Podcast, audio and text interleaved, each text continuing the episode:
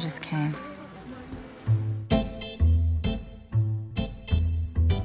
To ud af tre heteroseksuelle kvinder får ikke orgasme regelmæssigt, når de har sex. Oh. Right. That's right. Klitoris blev opdaget i 1998. 1998. It's just that all men are sure it never happened to them, and most women at one time or another have done it, so you do the math. Det er først i nyere tid, at det overhovedet blev tilladt for kvinder at føle og reagere på lyst. En dreng i 14-15 års alderen kan udmærket have kønslige følelser, have rejsning og unanere måske, Her i 2020 taler vi sjældent om sex, medmindre vi er fulde. mens mange piger slet ikke føler den trang til kønslig udløsning. De fleste af os ved ikke engang, hvordan vi skal omtale vores egne kønsdele. Men vi har brug for at tale om sex, og ikke mindst køn. Oh, yeah. Okay. You know what I think? Uh, I think maybe we're on different rhythms here. Alle køn. For Gud er der forskel. The women are having way fewer orgasms than the men are. Og måske trænger verdens lystfulde, tændte og samtykkende mennesker til en seksuel revolution. Go sit over there. All you get to do is watch. Kom du er en podcastserie om sex og lyst, inspireret af Christine Tits tegneserie Orgasmebogen. Lyt til den, og lyt til din krop. Den er så meget.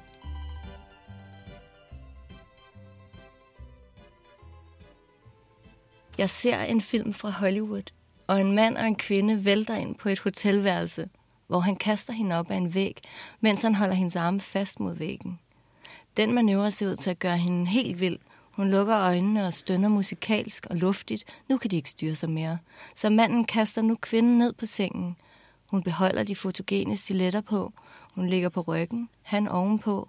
Herfra løfter han en ret skøn silketop lidt op, så han kan slikke hende på maven og kysse hendes bryster et par gange. Hun er så klar. Så nu åbner manden sine bukser med en hånd, og et tag sker det. Og han trænger ind i hende. Hun stønner og vrider sig af lyst.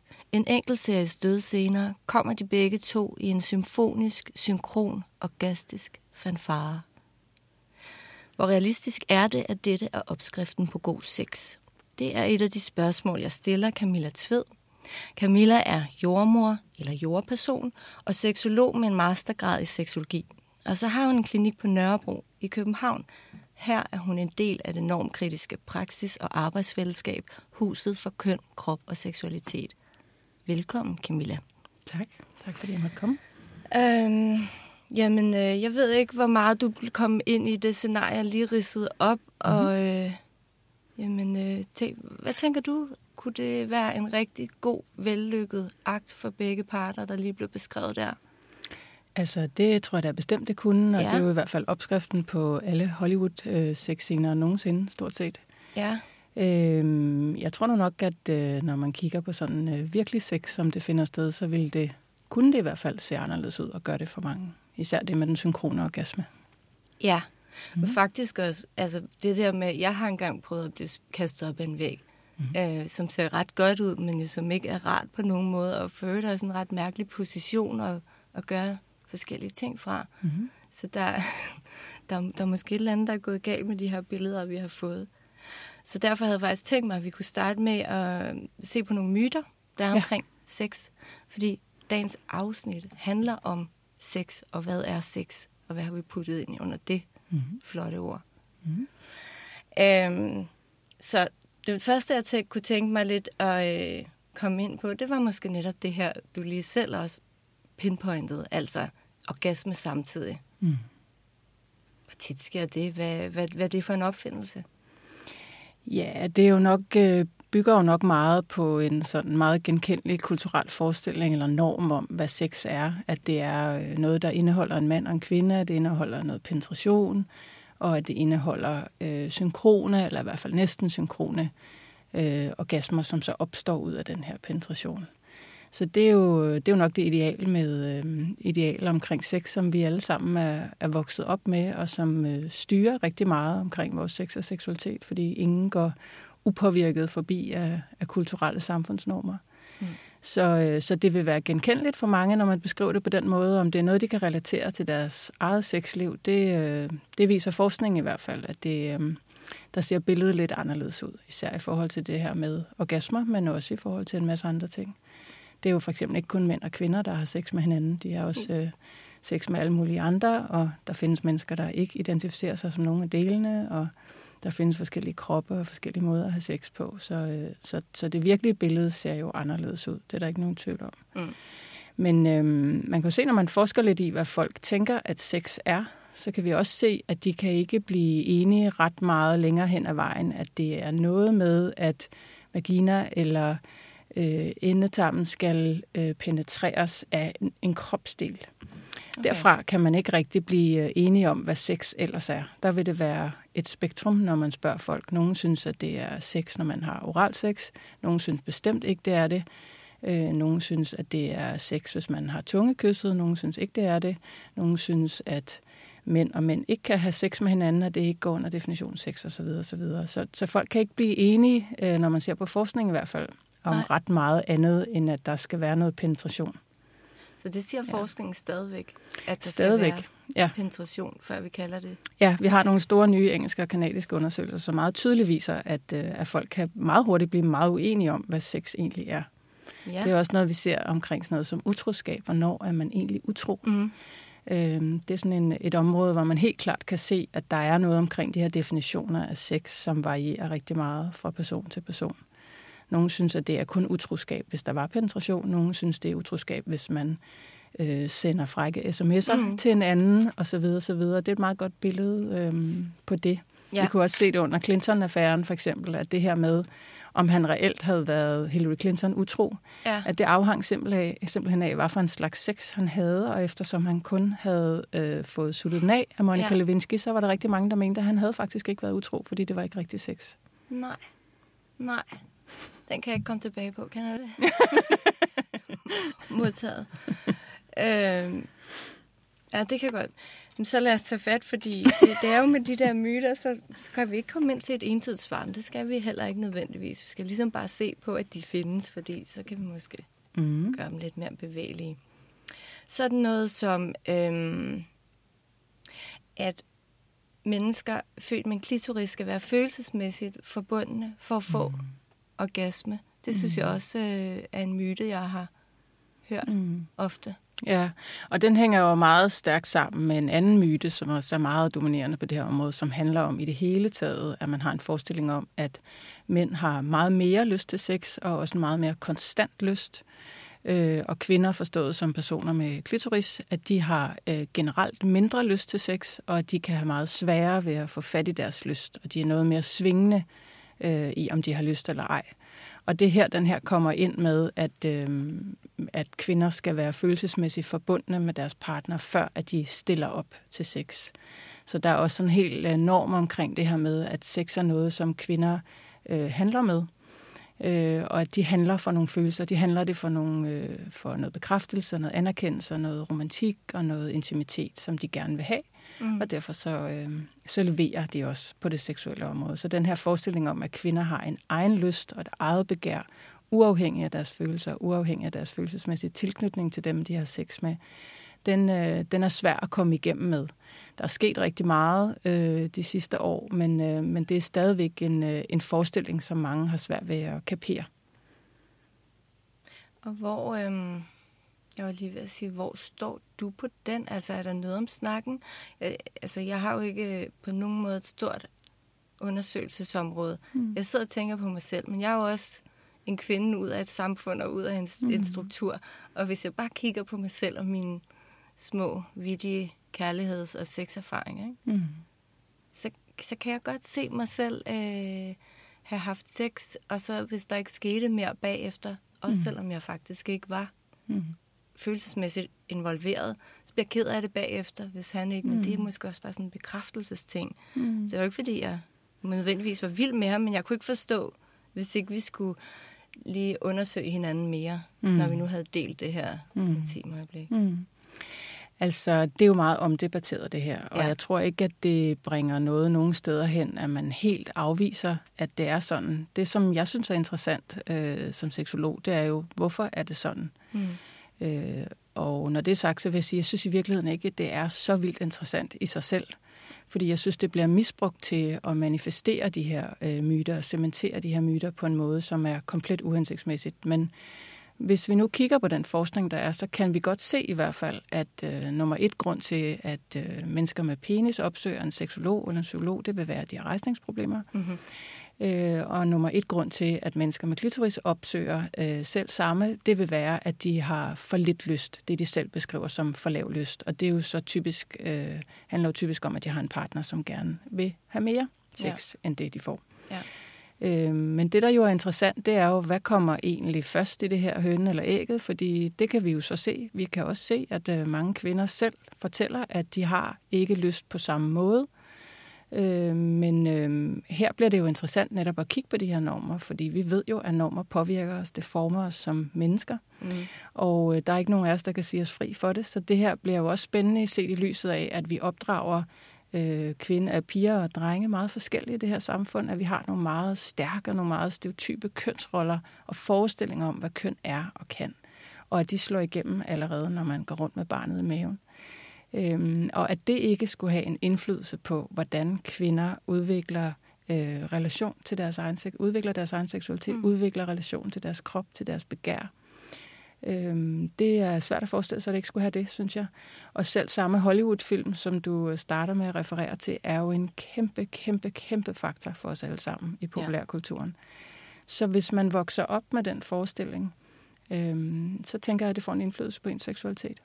Ja. Så det, der jo kunne være et spændende eksperiment i det her, det var, hvis man kunne tage det her ud af det, øh, og så se på, hvad der sker med øh, det, vi forstår som pigers seksualitet, når de vokser op. Så kunne det godt være, at vi fik et anderledes billede. Ja. Men det har vi ikke muligheden for. Mm. Så man kan sige, at øh, den her podcast og den her bog er jo også et, et forsøg på at udfordre lige præcis de her normer, og faktisk styrke den her forestilling om, at kvinder har en egen seksualitet. De har drifter, de har lyst, de har et begær, som er drevet øh, af dem selv, og ikke øh, alene eller overhovedet af et ønske om anerkendelse eller intimitet eller forbundethed. Selvtilfredsstillelsens udbredelse blandt den kvindelige ungdom.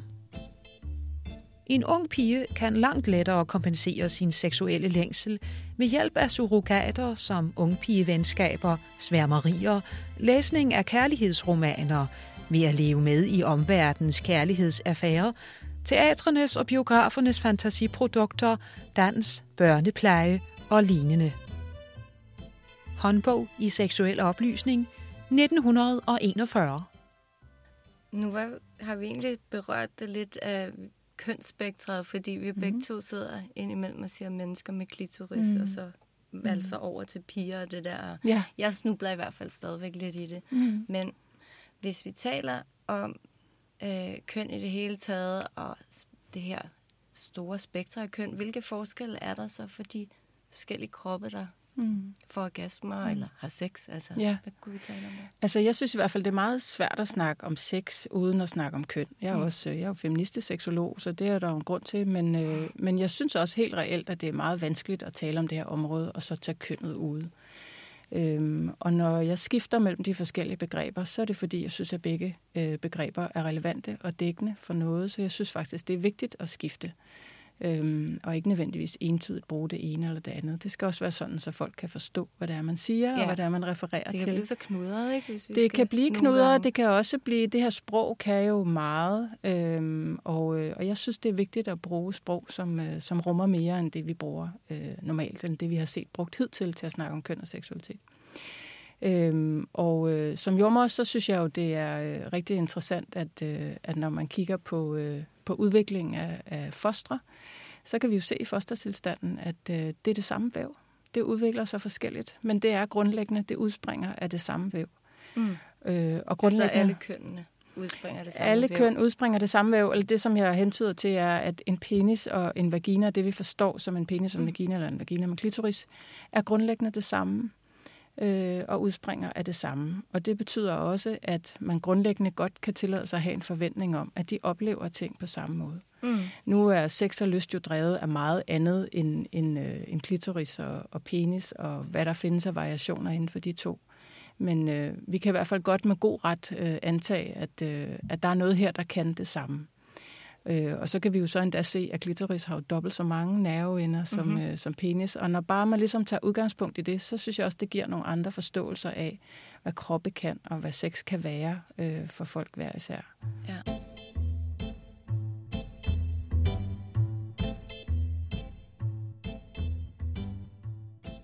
Den ugifte unge kvinde må ikke betragte de erotiske rørelser i sig som usædelige, men som naturens stemme, der leder hende til hendes oplevelser og opgave som kvinde. Til kærlighedens lykke og til moderskabets endnu højere lykke. Håndbog i seksuel oplysning 1941. Hvad så med sådan en, en fræk sag som solosex, Mhm. øhm, som jo også på en eller anden måde er meget kønsligt betinget. Mm-hmm. Øh, hvorfor, øh, hvorfor tror du, at de fleste hyppigst får orgasme ved at masturbere, som jeg har læst, at faktisk er tilfældet, Mm. frem for at, når de har sex med en partner? I hvert fald øh, dem med klitoris. Mm. Det bliver i hvert fald rigtig interessant, når man netop ser på, at mange øh, mennesker med klitoris, eller mange kvinder, ikke får øh, orgasme under øh, sex i heteroseksuelle parforhold. Så bliver det jo, det næste spørgsmål er jo nødvendigvis, jamen kan du få det med dig selv? Mm. Øhm, og hvis folk kan det, så har man jo noget at bygge videre øh, på, fordi mm. så har folk jo en positiv erfaring med, og det er i hvert fald noget, de godt kan selv øh, få på banen. Og så er det næste spørgsmål selvfølgelig, hvorfor sker det her ikke inden for rammerne af sex, de har sammen med andre? Øhm, og, øh, og der er man jo også nødt til at kigge lidt på, hvad er det så, folk fortæller? Øh, er folk meget langt fra at komme, eller er de meget tæt på? Vil de ønske, at partneren bare blev ved med det, han gjorde lidt længere, og så bliver han træt? Glemmer de at fortælle, hvad det er, de gerne vil? Altså, der er jo en masse ting omkring det her, som helt grundlæggende handler om kommunikation. Mm. Hjernen er jo dybest set vores største seksuelle organ. Ja. Øh, og, øh, og nu snakker vi, vi har også meget en forståelse af, at god sex er noget med at slukke for hovedet. Ja. Øh, og det øh, er jo heller ikke nødvendigvis helt forkert, fordi øh, det er svært øh, kun at have sex med hjernen. I hvert fald, hvis man rigtig gerne vil have sin krop i spil sammen med en anden. Mm. Men øh, der er alligevel noget omkring det her med vores forståelse af, hvad sex er igen. Og øh, der kunne man med fordel godt øh, gøre mere ud af at lære vores børn og unge at kommunikere omkring deres egne kroppe og deres øh, lyster og, øh, og grænser. Og det kan vi jo også se her med samtykkedebatten, at det kommer hele tiden i spil om, at de skal lære samtykke. Men det man jo skal huske, hvis vi skal lære vores børn og unge om samtykke, det er, at det kan ikke stå alene. Vi er nødt til også at lære dem, at det også handler om at sige til. Øh, mm. Så før man kan sige fra, så er man også nødt til på et andet tidspunkt at kunne sige til. Ja. Man er nødt til at forstå, hvad det er, man gerne vil. Man er nødt til at turde spørge sin partner. Øh, jeg kunne godt tænke mig at prøve det her, eller jeg kunne egentlig godt tænke mig at få en orgasme sammen med dig. Vil du prøve at undersøge sammen med mig, Ja. øh, hvordan det kunne se ud? Nu snakkede jeg med nogle teenager i går også, og sad og forberedte mig til det her og spurgte dem, Mm. får I egentlig orgasme, når I har sex? Øh, og så var svaret øh, ikke imens, men, øh, men, øh, men bagefter. Og, så, og her har vi jo, der kan Okay. vi jo meget tydeligt se imens. Det er jo som, der her forstår vi jo, at penetrationen ja. er på spil. Ikke? Ja. Så sex er noget, man har, som handler om penetration, og de, mens, de får så ikke orgasme imens, men det kunne de så gøre før eller efter. Øh, så Var det A- så dem selv, der klarede det der, eller fik de partneren til at... der var, der var mange variationer, Okay. men, men øh, den generelle erfaring var, at øh, det kunne godt være lidt svært at få, at få øh, en ung mand til at øh, blive ved længe nok. Ja. Øh, og det var også svært det der med at insistere på, at, der, øh, at man skulle blive ved længe nok, for at mm. der ligesom skulle ske noget. Ja. Øhm, og det synes jeg, for det første så blev jeg øh, enormt positivt overrasket over, at der faktisk var orgasmer i spil, og at det var en gruppe af piger, som var gode til at sige, at øh, det ville de faktisk gerne have, og det mm. synes de også, de havde ret til. Mm. Øh, men jeg kunne også godt høre, hvad det var, der var svært, og det blev meget tydeligt, at der var en forståelse af, hvad rigtig sex var. Ja. Øh, og så kommer vi jo tilbage til det her med, med den her myte om, hvad sex er. Og det handler jo om det her med penetration og orgasme igen. Ikke?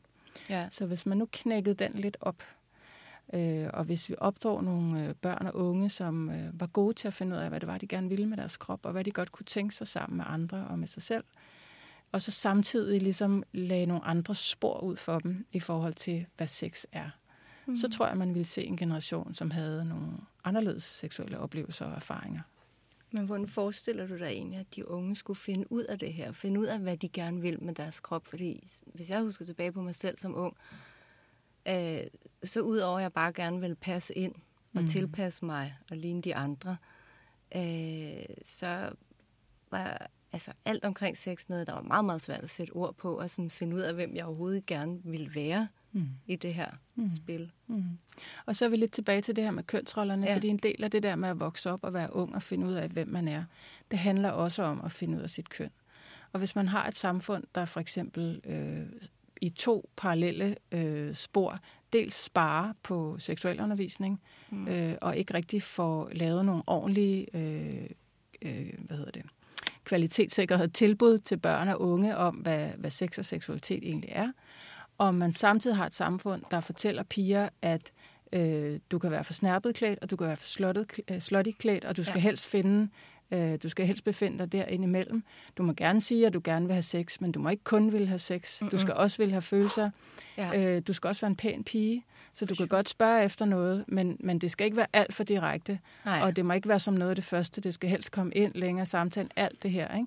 Så der er igen det her med, at vi har en meget snæver forståelse af, hvad, hvad piger kan tillade sig. Ja. Øh, så, så på den måde, der er vi simpelthen nødt til at kigge på det her med køn igen. Vi kan ikke tage køn ud af det her. Nej. Øhm, der er noget der, som er virkelig vigtigt, fordi så opdrager vi generationer af unge piger, som ikke øh, tør insistere på deres egen seksualitet og tør insistere på deres egne grænser. Ja, men med den historie, du lige har fortalt med de her unge teenager, der mm. tænker jeg, at de faktisk trods alt er længere, end øh, du var jeg var, da mm. vi var teenager. Mm. Altså, fordi de, de som du siger, de har trods alt krævet et eller andet mm. og turde ja. sætte ord på det. Ja, men det tror jeg også hænger sammen med, at der er jo så trods alt sket nogle ting, siden ja. du og jeg var unge. Mm. Øhm, og det er jo kun positivt, fordi ja. sammen med det her Hollywood og sammen med alle de her stereotyper, som de her børn bliver præsenteret for så har de jo også en anden adgang til sociale medier og til information. Der er også sket noget på public service kanalerne. Altså der sker noget rundt omkring, hvor der faktisk er nogle andre muligheder. Mm. Det er på godt og ondt. Vi kan også godt se, at det gør også ondt på vores ja. unge, og det laver meget mistrivsel. Men de har alt andet lige adgang til noget information, øh, som vi ikke havde adgang til på samme måde. Og det, øh, det handler jo også om at have adgang til oplysninger omkring feminisme og kønsteori, mm. og ja. at bryde lidt med de her billeder. Instagram-kontorer, hvor man får lov at se øh, kvinder udtrykke sig positivt omkring begær og seksualitet. Og, så de har jo lidt anden adgang til noget, og det, øh, det sætter sig forhåbentlig. Ja. Men, øh, men der er jo forskel på det her. Det her handler jo også, det handler jo også om en gruppe af hvide middelklasse teenager, som har fanget noget her er lidt woke. Ikke? Mm. Øhm, det, det tror jeg ikke, at man nødvendigvis kan konkludere noget entydigt ud fra. Nej. Og så kan jeg ikke lade være at tænke, at der også er et eller andet øh, øh, problematisk ved og paradoxalt ved det der, som vi var lige inde på før, med hjernens indflydelse på vores lyst og seksualitet. Mm. Og øh, at vi skal bruge nogle af alle de indtryk og informationer, vi får. Noget af det, vi får, er jo også porno, for eksempel. Mm. Øhm, og så, så vi skal være lidt bevidste, og samtidig skal vi på et eller andet tidspunkt bare slukke, mm. og bare finde ud i en eller anden væren, vi ikke aner, hvad mm. er. Altså det... Ja, og det, det, øh, det krav er jo dybt, det er så modsætningsfyldt, så det bliver urimeligt, det krav. Og det er mm. noget af det samme, vi ser på fødselsområder. Vi opdrager øh, piger og kvinder til, at de skal være i kontrol. Der må ikke komme noget ud af deres krop, der lugter. De må ikke grine højt, de må ikke prutte, mm. de må ikke bøvse, de må ikke råbe, de må ikke være vrede, de må ikke svede, deres menstruation må ikke lugte, og de må ikke tale om det. Øh, de skal være totalt i kontrol, og de skal præstere rigtig meget. Det skal alle vores unge i det samfund, vi har i dag, men det sætter sig særligt for unge piger og kvinder. Og så, øh, når de skal have sex, så skal de bare slappe af og give slip. Mm. Når de skal føde, så bare, bare gå med smerterne. Ja. Bare slappe af, give slip. Bare ånd ind på ugen. Ja, oha, alt det der, mm-hmm. ikke? Og øh, det kan de ikke. Nej. Og det er der ikke noget mærkeligt i, fordi du kan ikke tage ud af dem et langt livs socialisering, og så på fem minutter sige, og nu skal du slå det fra. Nej. Det virker ikke.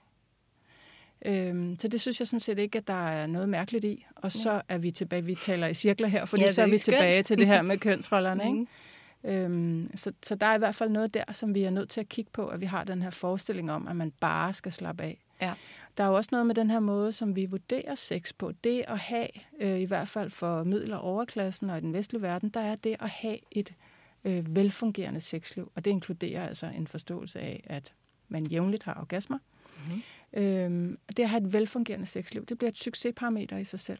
Det bliver Ja. noget, man skal tjekke af Ja. øh, på listen sammen med det at, at tage en uddannelse og være i arbejde og, Ha' et pænt hus. og have et pænt hus og Mm. se godt ud og alt det der. Ikke? Ja. Det bliver også sådan en ting, man bare, "Men selvfølgelig har du god sex. Ikke? Mm. Go get it. Altså, så der er også noget med den her forskning, samtidig med, at vi har de her stereotype kønsroller, så har vi jo også et billede af unge kvinder i dag, som nogen, de må godt være stærke til en vis grænse. Ikke? Altså, vi har, øh, Nike har også lavet reklamer, og Always laver reklamer, som fremstiller nogle bestemte stærke unge piger, der tager det, de gerne vil have. Ikke? Mm-hmm. Og, og i den ligger også en forståelse af, at orgasmer, det er da bare noget, du beder om. Det er bare fyret den af. Du skal ikke finde dig i det der med ikke at få det. Mm-hmm. Øhm, og det rammer dem jo, når det så er svært, og man ikke har nogen værktøjer til at finde ud af, hvad er det egentlig, man gerne vil, hvad er det egentlig, jeg må i gåseøjne med min krop, hvad kunne jeg godt tænke mig, hvad for nogle krav kan jeg stille til min partner, og hvordan gør jeg det? Ja. Øh, og hvad siger jeg, hvis han siger, det gider jeg sgu da ikke, og triller om på ryggen og sover videre, eller siger, øh, nej, jeg tror ikke, vi to skal ses igen. Mm. Hvad sker der så? Hvad siger det så om en selv, når ikke man har adgang til det der? Eller man for eksempel har haft sex med den samme partner i fem år, og aldrig har fået orgasme, og faktisk ikke tør sige det højt Ja. til vennerne, og derfor ikke rigtig kan få den der hjælp til det. Eller hvornår er det, man siger til sin partner, du, øh, de der høje stund, jeg har fyret af de sidste tre år, det har været fake, og nu kan jeg egentlig godt tænke mig, at vi gik ordentligt til den. Ja. Der er nogle ting her, som bliver virkelig svære. Ja. Så det der med, at vi forstår sex som et succesparameter, det bliver nærmest et problem i sig selv, vil jeg sige. Ja. Og så kommer jeg til at tænke på, inden for det der succesparameter, en anden øh, cirkel, vi også lige kan komme tilbage til. Altså orgasmen, som vi hver gang jo også hele tiden laver som punktum Mm. for, øh, for den seksuelle akt. Mm. Den altså, jager vi. øhm, Ja, den jager vi. Og som feminist, så synes jeg, det er svært at sidde og tale ind i det her med, at nu skal vi slappe lige lidt af med det der orgasme. Fordi der er jo, man har jo det, der hedder the pleasure gap. Altså, der er jo et kæmpe øh, øh, afgrundsdybt gab i det her med, hvem der får orgasmer øh, i forhold til den her, øh, til, til mand og kvinde som kategori. Øh, I hvert fald, hvis de har sex med hinanden.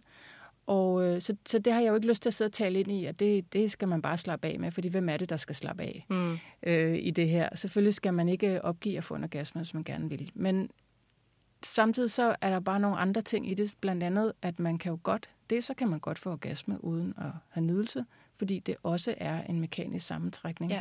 af nogle muskulaturer. Ja. Øh, så det er faktisk fuldt ud muligt at få en øh, muskulær orgasme, mens man bliver voldtaget, for eksempel. Eller hvis man Ja. har sex, man ikke har lyst til at have. Ja, det er Man kan også godt få- billede, men ja. Ja, det er Ja. det faktisk. Øh, Og det efterlader jo folk med meget stor skam. Men Mm. det er øh, jo også mekanik, det her, Ja. kan man sige. Ikke? Ja. Så kan man godt have, have orgasmer øh, og sex, som man selv synes er okay, og savne noget seksuelt. Øh, og alligevel mangle noget, selvom man får de her orgasmer. Så er der mange forskellige slags orgasmer, og det kan være, at man tænkte, at man egentlig gerne vil have en anden slags. Øh, selvom man efterhånden mere og mere i dag snakker om, og, om øh, den hvad hedder sådan, klitorisorgasme, eller den kvindelige orgasme, som det samme, den samme slags orgasme. Ja. Øhm, så er jeg nok mere ud af den her. Der findes mange forskellige slags, okay. men ikke nogen af dem, som vi har navngivet indtil videre. Det er jo variationer over det samme. Mm. Men øh, det kunne være, at man tænkte, om jeg får altid klitorisorgasme, hvad sker der for det der G-punktsorgasme, de altid snakker om i film? Det vil jeg da også have. Mm. Øh, eller jeg vil gerne have en sprøjteorgasme, eller jeg vil gerne have en øh, brystorgasme, eller hvad ved jeg. Oh, findes det? Altså, Det findes. du sige, det findes? Det, det ja. findes, ja, Ja. Det vil jeg sige, at det gjorde. Altså, Altså kvinder kan også komme i søvne, øh, ja. ligesom mænd kan. Mm. Så, øhm, så det, øh, der er ikke noget der. Det er man også i stand til der. Ja. Så det kan jo også være, at man gerne vil have en anden orgasme, end den man får. Mm. Og så er det også muligt at have god sex uden at få orgasme. Og Ja. det, derfor er det lidt vigtigt, at vi har mulighed for, i hvert fald når vi taler om det, at skille det lidt ad. Ja. Fordi det er lidt vigtigt ikke at usynliggøre det faktum, at det er muligt at have god sex uden at få orgasme. Men der er det også som om, vi er opdraget til lidt, at nå, Mm. jamen, det var hyggeligt, men, Mm. men man er ikke lige så glad, som, som hvis Mm. man begge to havde fået sit flotte punktum. Men det handler ikke om at nøjes, det her, når jeg, når jeg altså ligesom udfordrer den her med, at øh, man godt kan have god sex uden at få orgasme. Det er ikke et spørgsmål om at nøjes. Selvfølgelig skal man ikke nøjes, hvis man gerne vil noget mere med det sex, man har. Det er bare for at sige, at nogle mennesker har rigtig svært ved at få orgasme, mm. eller nogle får ekstremt korte orgasmer, som de knap kan nå at registrere. Okay. Nogle får orgasmer, som bliver smertefulde for dem, eller som medfører meget smertefuld hovedpine, for eksempel, eller som har, hvor bækkenbunden har svært ved at slappe af igen Ja. efter. Og der, der er bare noget her, hvor man ligesom også er nødt til at sige, at det er altså fuldt ud muligt at have god sex uden. Vi har også forskellige former for sex, som ikke nødvendigvis ender med orgasme. Øh, der er folk, der dyrker tantra-sex. Vi har hele øh, BDSM-spektret, altså øh, øh, sadisme og masochisme og forskellige former for kink, hvor man har et andet fokus på at have nogle seksuelle lege, ja. hvor der er masser af ophittelse og masser af tændthed og masser af full-blown seksualitet ud over hele øh, skærmen, ja. men ikke nødvendigvis et peak. Okay. Eller et peak, som bliver separeret fra den akt. Altså bagefter, så får man en hurtig orgasme. Men det var mm. egentlig ikke det, der var det fede. Nej. Så der igen, så vender vi lidt tilbage til det her Hollywood-knald op ad væggen. Ja. At, at det er lidt vigtigt, at vi begynder at, øh, at forstå sex på en anden måde øh, end vi har gjort hidtil, for at anerkende, at man også kan få øh, glæde ud af det på en anden måde. Ja. Men vil man have en orgasme, så skal man gå efter det. Det er slet ikke det. Ja. Det er bare for os at anerkende, at der er altså folk, som har sex, uden at det nødvendigvis ender i orgasme, eller uden at det er det fedeste. Og nyder det. Mm. Ja. Og så her til sidst, øhm, har du noget bud på øh, en definition af, hvad sex er? Mm. Altså, jeg synes egentlig, at man er en person, to person eller flere personer, som har øh, noget sammen. Øh, forskellige former for intimitet og seksualitet, typisk hvor man ser en høj grad af ophidsethed og tændthed. Ja.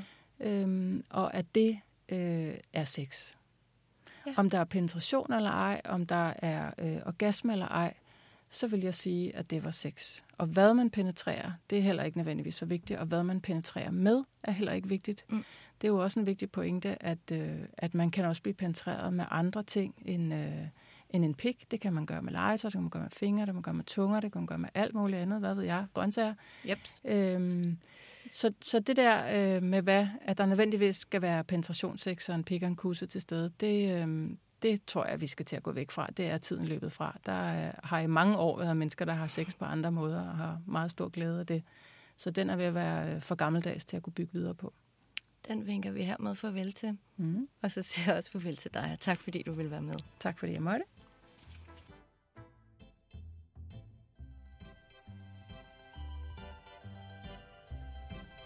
Du har lyttet til Kom du? En podcast-serie om sex og lyst. Husk, at du kan finde mere viden om sex, lyst og orgasmer i Christine Tits tegneserie Orgasmebogen.